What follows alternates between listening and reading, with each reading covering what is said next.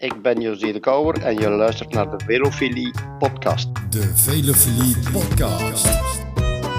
De Tour. Oh la la.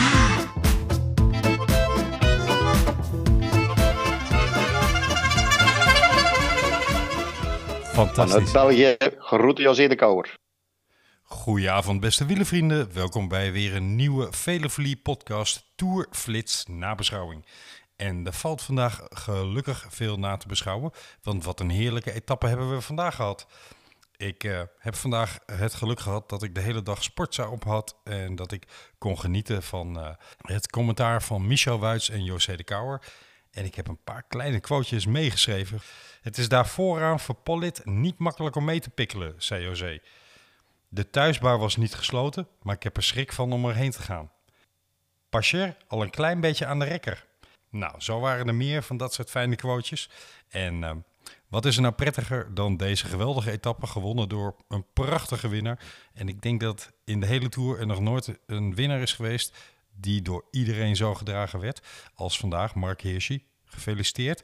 En wat is er nou mooier dan deze etappe dan even na te beschouwen met de man die de hele dag op de buis te horen was, kijk op de koers heeft, deskundige buitstek en eh, de stem die in Nederland en Vlaanderen geliefd is. Goedenavond José de Kouwer. Eh, goedenavond, goedenavond. Allereerst super dank dat je bij ons in de uitzending wil zijn. Geweldig. Eh, ja, geen enkel probleem. Hè. Dus we doen het vanuit België, geen enkel pro- probleem. Dat moet lukken. Ja, dat was ook om te beginnen mijn... Nou nee, laat ik beginnen met hoe het eigenlijk hoort. Hoe gaat het met je? Oh, prima, prima. We hebben een, eh, door het feit dat we vanuit Brussel commentaar geven, is het eigenlijk het, hele ronde verhaal iets fysiek makkelijker te verteren, omdat we dus, ja, ik zit toch, laat ons nu maar zeggen, bijna drie uur minder in de wagen dan wanneer we in Frankrijk ter plaatse zijn. Ja. En is, is daarom het, het gevoel van de Tour de France ook heel anders? Eh, dat is voor mij, voor mij toch wel anders in die zin dat ik dus geen parcourskennis of niet voldoende heb. Toch niet echt. Anders rijden we de laatste 30 kilometer met de wagen en dan heb ik toch veel meer zicht op de moeilijkheidsgraad. Ja. En de, de speciale punten op het parcours, daar kan ik nu eh, weinig tijd aan besteden. Desondanks geven eh, jij en eh, je collega Michel Wuits elke dag weer fantastisch commentaar. Het is een genoegen om naar jullie te luisteren en te kijken. Dus complimenten daarvoor. Ehm, Dank u. Ik wil eigenlijk voorstellen om ehm, vijf, eh, nee, ik heb er meer. Ik lieg zeven korte stellingen aan je voor te leggen. Waar eigenlijk alleen maar met ja en nee op geantwoord mag worden. Allemaal. Yes! En daar kunnen we er daarna even kort op terugkomen. Maar dat, dat introduceert de, de etappe van vandaag even makkelijk. Ehm, laat ik beginnen met. eh, nou, het gaat niet alleen over de etappe van vandaag. Het gaat ook over eh, de tour in zijn algemene tot nu toe. Laat ik beginnen met de stelling: de tour moet nog beginnen. Ja. Heel goed. Pogacar is de voornaamste kandidaat voor het laatste geel deze tour. Nee. We halen Parijs. Ik hoop ja. ik ook. Ja, maar ik hoor een vrees eh daardoorheen klinken. Eh, ik denk het wel, ja. We moeten eerlijk zijn ten opzichte van die verschrikkelijke ziekte die er eh, heerst, genaamd COVID-19 of corona. Dus daar moeten we toch voorzichtig tegen zijn. We hebben van de week gezien hoe gek het kan lopen. Eh 600 mensen getest. Vier, nee, vijf mensen met, eh, met COVID. En daaronder Predom. Gelukkig, nou, dat klinkt heel cru, maar geen renners. Maar het is wel wonderlijk. Eh, het is inderdaad wonderlijk, ja, dat mag je wel zeggen. Vooral eh, na hetgeen er op de voorbije dagen op de Kools gebeurd is, was dat niet echt een schoolvoorbeeld van eh, een wedstrijd organiseren van de organisatie. Nee, nee, dat zag er vandaag wat beter uit langs het parcours wat betreft social distancing. Maar ik heb ook al vernomen dat in de hotels waar de ploegen verblijven ook gewone gasten zitten die zonder mondkapje rondlopen. Dus wat dat betreft mogen we toch wel spreken van door het oog van de naald tot nu toe. Ja, absoluut. En dat is dan des te jammerder hè, dat eh, mensen zich daar op een of andere manier dan toch niet het respect hebben voor de wielrenners die er tenslotte uh, heel veel tijd en heel veel energie in moeten steken om alles binnen de perken te mogen uh, beleven. Dus jammer dat er dan nog ander publiek aanwezig mag en kan zijn. Ja, dat gaat in de najaarsklassiekers anders zijn. En dat is dan een mooi bruggetje naar uh, ja, de najaarsklassiekers die eigenlijk de voorjaarsklassiekers zijn. Maar um, dat is een mooi bruggetje naar mijn volgende stelling. Wout van Aert is op dit moment de beste renner. de beste klassieke renner, ja, absoluut. Mooi, mooi. Mijn volgende stelling: Tom Dumoulin komt nog terug in het klassement en eindigt op het podium. Ja. Kijk. Hoop ik. ik weet dat jij, net zoals ik, een, uh, een, nou ja, eh, een fan wil ik niet zeggen, maar zeer gecharmeerd bent van uh, de figuur Tom Dumoulin. Is dit puur de hoop die doet spreken, of is dit ook. Uh, als we daarnet gezegd hebben, de tour moet nog beginnen, dan denk ik dat er ergens onderweg misschien nog kansen liggen om mee te glippen in een ontsnapping uh, als waakhond ja. voor de gele trui en op die manier misschien uh, anderen afhouden en zelf dichterbij komen. Dat zou kunnen. Ja, ik hoop dat het gaat gebeuren. Mijn volgende stelling. Dit is de tour van de aanvallers. De treinen voor het klassement worden steeds minder relevant. Uh, ja, er is één trein die voorlopig nog op de rail staat. Dat is Jumbo-Visma. Laat ik dan meteen even naar uh, wat ik vandaag op Sportza zag. Een reactie van Dries Devenijns over de etappe van vandaag. Hij vertelde dat uh, het plan bij de Koning Quickstep was om op de laatste heuvel aan te vallen. Is dat dan in het huidige wielrennen, als we kijken naar mensen als Wout van Aert, Remco Evenepoel, uh, misschien ook wel Mathieu van der Poel, vandaag en een aantal etappes eerder ook al Hirschi, uh, er wordt, Pogacar staat erom bekend, er wordt volop aangevallen. Is het plan en dat rigide uitvoeren zoals dat vandaag dan door de koning gebeurde, is dat eigenlijk misschien wel ja, een ouderwetse manier van, uh, van een wedstrijd rijden op dit moment? Ja, ze hadden eigenlijk twee plannen. Het eerste plan was een grote groep laten wegrijden om uh, Sagan te beletten punten te nemen, extra punten weg te nemen. Bennett blijkt bergop toch uh, duidelijk de mindere van Sagan te zijn. Ja. Sagan er zijn ploeg tegenover de mannen van Borans Gro en hebben er alles aan gedaan om dat niet te laten gebeuren en het op een inderdaad finale te laten uitkomen. Behalve dan uh, lukte dat niet goed. Uh, ze liepen op een counter van de mannen van Sunweb en nog wel een deel anderen. Quickstep, de Koning Quickstep, hebben dan geprobeerd om met Alaphilippe een gooi te doen naar. Maar uh, de Alaphilippe van 2020 is zeker niet de Alaphilippe van 2019. Nee. En dat is vandaag pijnlijk waarheid gebleken. Ik denk zelfs dat hij in die achtervolgende groep op Hirschi niet eens de sterkste in die groep was. Nee, helemaal niet. Hij heeft twee, drie keer geprobeerd na een uh, heel strak aangaan van uh, Dries Devenijns om het uh, verschil te maken. Al was het maar om te proberen wegkomen na Hirschi. Maar mm, er waren er meerdere. ja, er waren er eigenlijk met z'n allen. Konden van Reichenbach tot en met nog een deel andere. Konden er op hun beurt allemaal naartoe rijden. Hij rijdt wel flitsend weg. Maar hij kan die demarages niet blijven doortrekken zoals hij dat vorig jaar deed. En dat was al in het kampioenschap van Frankrijk zo. Ja. Hij mag van geluk spreken dat Hirschi in, in Nice de fout maakte van te ver achter Alaphilippe aan te gaan in de sprint. Want anders was hij ook daar al verloren geweest. Dus dit is niet de Alaphilippe die we, die we kennen van 2019. Helemaal niet. En als ik zo vrij mag zijn, de vergelijking te maken met de Alaphilippe van 2018, dan is Hirschi uit deze Tour eigenlijk de Alaphilippe van 2018. Uh, ja, absoluut. Hirschi die, die uh, vorig jaar in de, in de San Sebastian Classic uh, daar al een hele formidabele wedstrijd reed. Ja. daar derde werd na Greg van Avermaat achter ehm, Evenepoel. Maar daar die wedstrijd overleven met de betere, met een Valverde toen. En met nog een heel pak anderen op 21 jaar. Dat op zich was al uh, fenomenaal. Dus Hirschi, daar hebben we zeker nog niet het uh, laatste van gezien. Dit is geen stelling, maar um, wat mij opviel... Uh, Sunweb heeft buiten slim scouten, wat ze nou ja, zeker het afgelopen jaar weer goed gedaan hebben. Ze hebben een aantal grote jonge talenten binnengehaald. Maar ze hebben vandaag ook een buitengewoon goede ploegentactiek tentoongespreid. En eigenlijk lukte dat vandaag wat eerder met Kees Bol en de trein niet lukte. Uh, ja, inderdaad. Laat ons maar zeggen dat Kees Bol is een hele goede sprinter. Maar de, de renner Hirschi staat op zijn niveau met zijn tegenstrevers uh, verder dan Kees Bol, om Ja. het zo uit te drukken. Jij, je zei er net de vergelijking met Alaphilippe. Ja. Dat zit er eh, helemaal bovenop. En dan moet ik zeggen dat eh, ja, op, op zijn wedstrijdgedeelte is Hirschi beter dan voorlopig Kees Bol. Kees Bol heel goed. En wat je dan zei over die jongeren, ze hebben daar nog eentje in, de, in Denemarken zitten. Eh Leknusond. Ja. Eh, dat is helemaal een topper, Europees kampioen tijdrijden. Dus ook daar hebben ze nog een hele goeie. Ik ehm, hoorde laatst de, een van de oprichters van eh SEC Racing Academy zeggen... tegenwoordig scouten wij al bij de juniors. Het wordt steeds jonger in het peloton. Eh, ja, die trend is eh, gezet met Remco Evenepoel. Dan hebben we daar eh, de Amerikaan Quinn Simmons die bij Trek zit. Ja, En er zijn dus nog een deel jongeren die die beloftecategorie overslaan.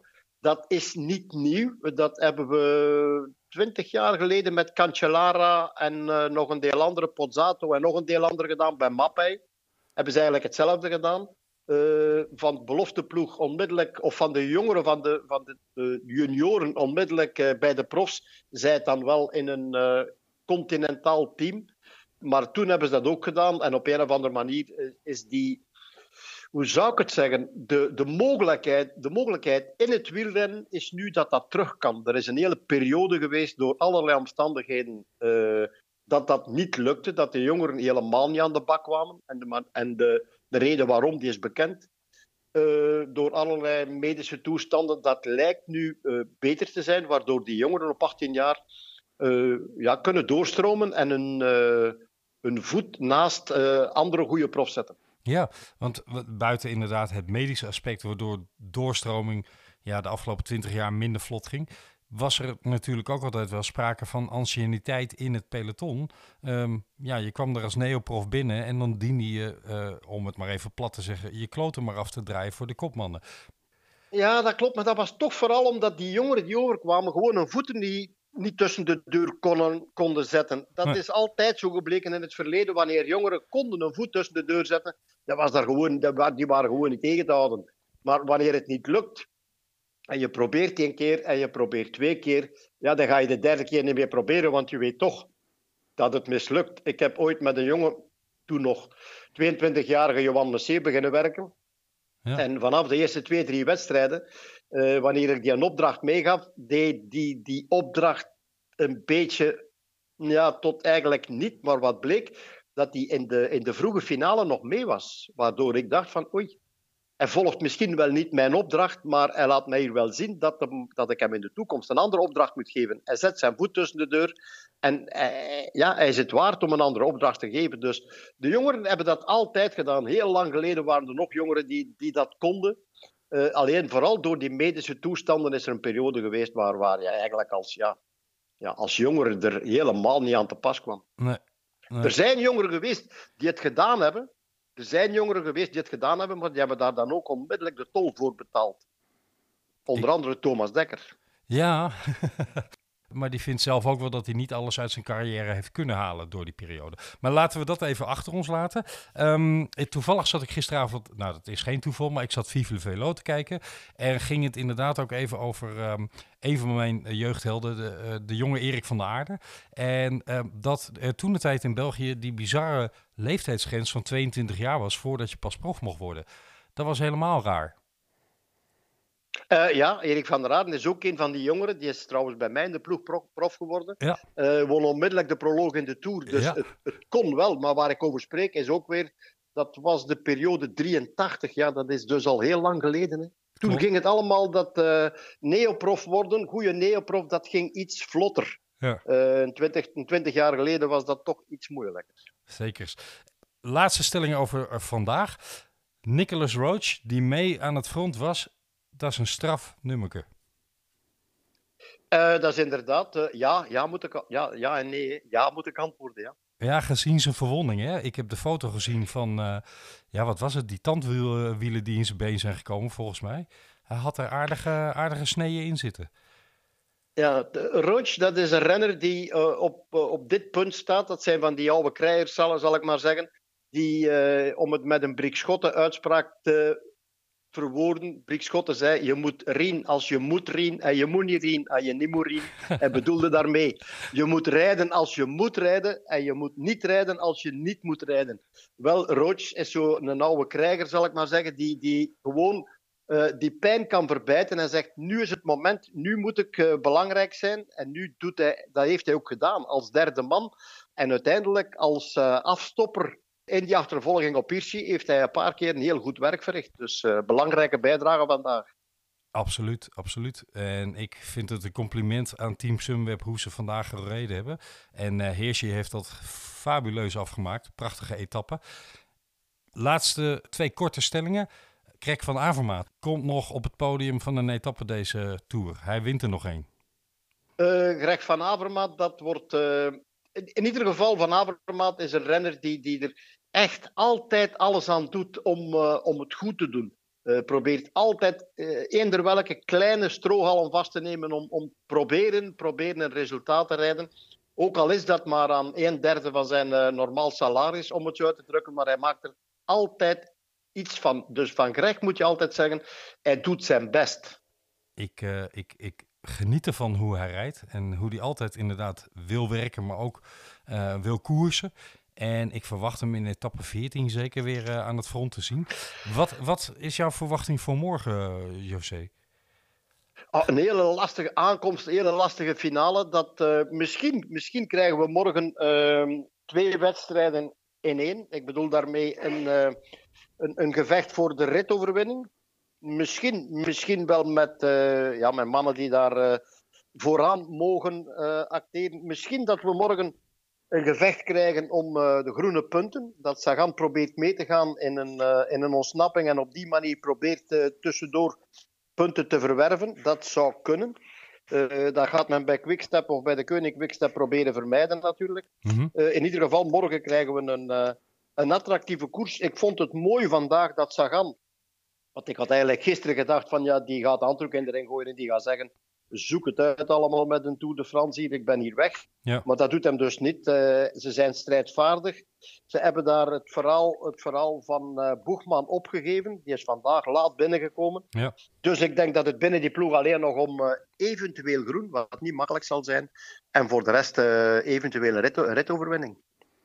Ik verwacht morgen eigenlijk eindelijk vuurwerk onder de klassementsmannen. Want ik denk, ik denk dat het morgen niet langer meer afwachten is tot. Ja, ja, dat krijgt morgen sowieso. Dus uh, die laatste 12, 13 kilometer met er een paar stroken bij die boven de 10% zijn. Ja. En dan helemaal bovenop Pas de Perol. Ja, daar zijn de laatste twee kilometer bij de 12% en meer. Bijna drie kilometer. Dus daar zou toch, en daar kunnen we van uitgaan, dat een Pogacar, een Bernal, Roglic, en dat ze daar uh, ja, de, rits, de rits gaan moeten openzetten. Absoluut. José, mag ik jou heel hartelijk danken voor um, je fijne analyse van, uh, en de verhalen uh, vanuit de koers en over de koers van vandaag. We komen hopelijk ja, zeer binnenkort weer eens een keer bij je terug. Maar dan in het kader van een ander type uitzending. Daar gaan we later nog wat meer over vertellen. Maar voor nu heel erg bedankt. Geniet van uh, het vervolg van deze tour. En blijf, ja. blijf vooral gezond en gelukkig. Ben ik mee bezig. Ben een glaasje Chardonnay aan het drinken. ja, heel goed. Dat helpt altijd. Oké. Okay. Ja, super dank José de Kouwer voor de nabeschouwing op de etappe van vandaag. Het was genieten om naar je te luisteren. Dan nog even een paar kleine huishoudelijke mededelingen. Om te beginnen, Veleverlie podcast vind je tegenwoordig ook op het leukste platform voor podcasts in Nederland. www.vriendvandeshow.nl slash Veleverlie. En je vindt daar ook andere prachtige podcasts, maar wij staan er ook op. En je kunt bij ons op de pagina een high five geven als je een uitzending leuk vond of daar commentaar op geven uh, in de commentaarbox. Je kunt er een um, donatie doen als je onze show wil helpen en uh, mogelijk wil maken dat we meer content kunnen maken. En dat zou helemaal geweldig zijn. Je kunt natuurlijk ook een recensie op Apple Podcast doen. Maar www Vriend van de Show is het nieuwe platform waar wij op staan. En waar je ook naast de uitzendingen in de toekomst meer content kan gaan vinden. We hebben nog een... Uh, een speciale mededeling. En wel omtrent een veiling die op het ogenblik op Twitter plaatsvindt in het kader van uh, de, het gevecht tegen Duchenne. En uh, ik lees even voor wat Mirko Schrijvershof, de man achter het wielenboek op Twitter, hierover geschreven heeft. In de Tour ontstaan helden, maar ook in Nederland fietsen op dit moment helden. Helden die voor Duchenne Heroes fietsen. Eén daarvan is Raymond Koeleman.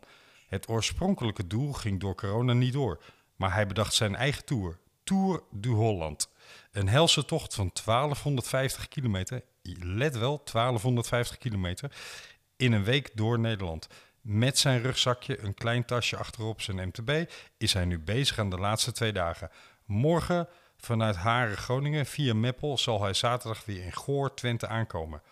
De wielerboekenveiling heeft op dit moment drie prachtboeken en het kampioenshirt gesigneerd van Annemiek van Vleuten in de veiling. Het kampioenshirt van Annemiek van Vleuten. De opbrengst gaat 100% naar Duchenne Heroes op naam van Raymond Koeleman, onze held van de week. Veel succes topper en we zijn trots op je. En wil jij uh, Raymond in uh, zijn uh, ja, steun voor het goede doel helpen? Kijk dan in de show notes voor de link naar zijn pagina of ga naar Wielenboek op Twitter en bied op een van de vier items die daar op het ogenblik geveld worden. Alvast bedankt. Wij zijn morgenavond terug met een nieuwe uitzending. De gast zullen we morgen verklappen en we hebben er weer zin in. Tot morgen.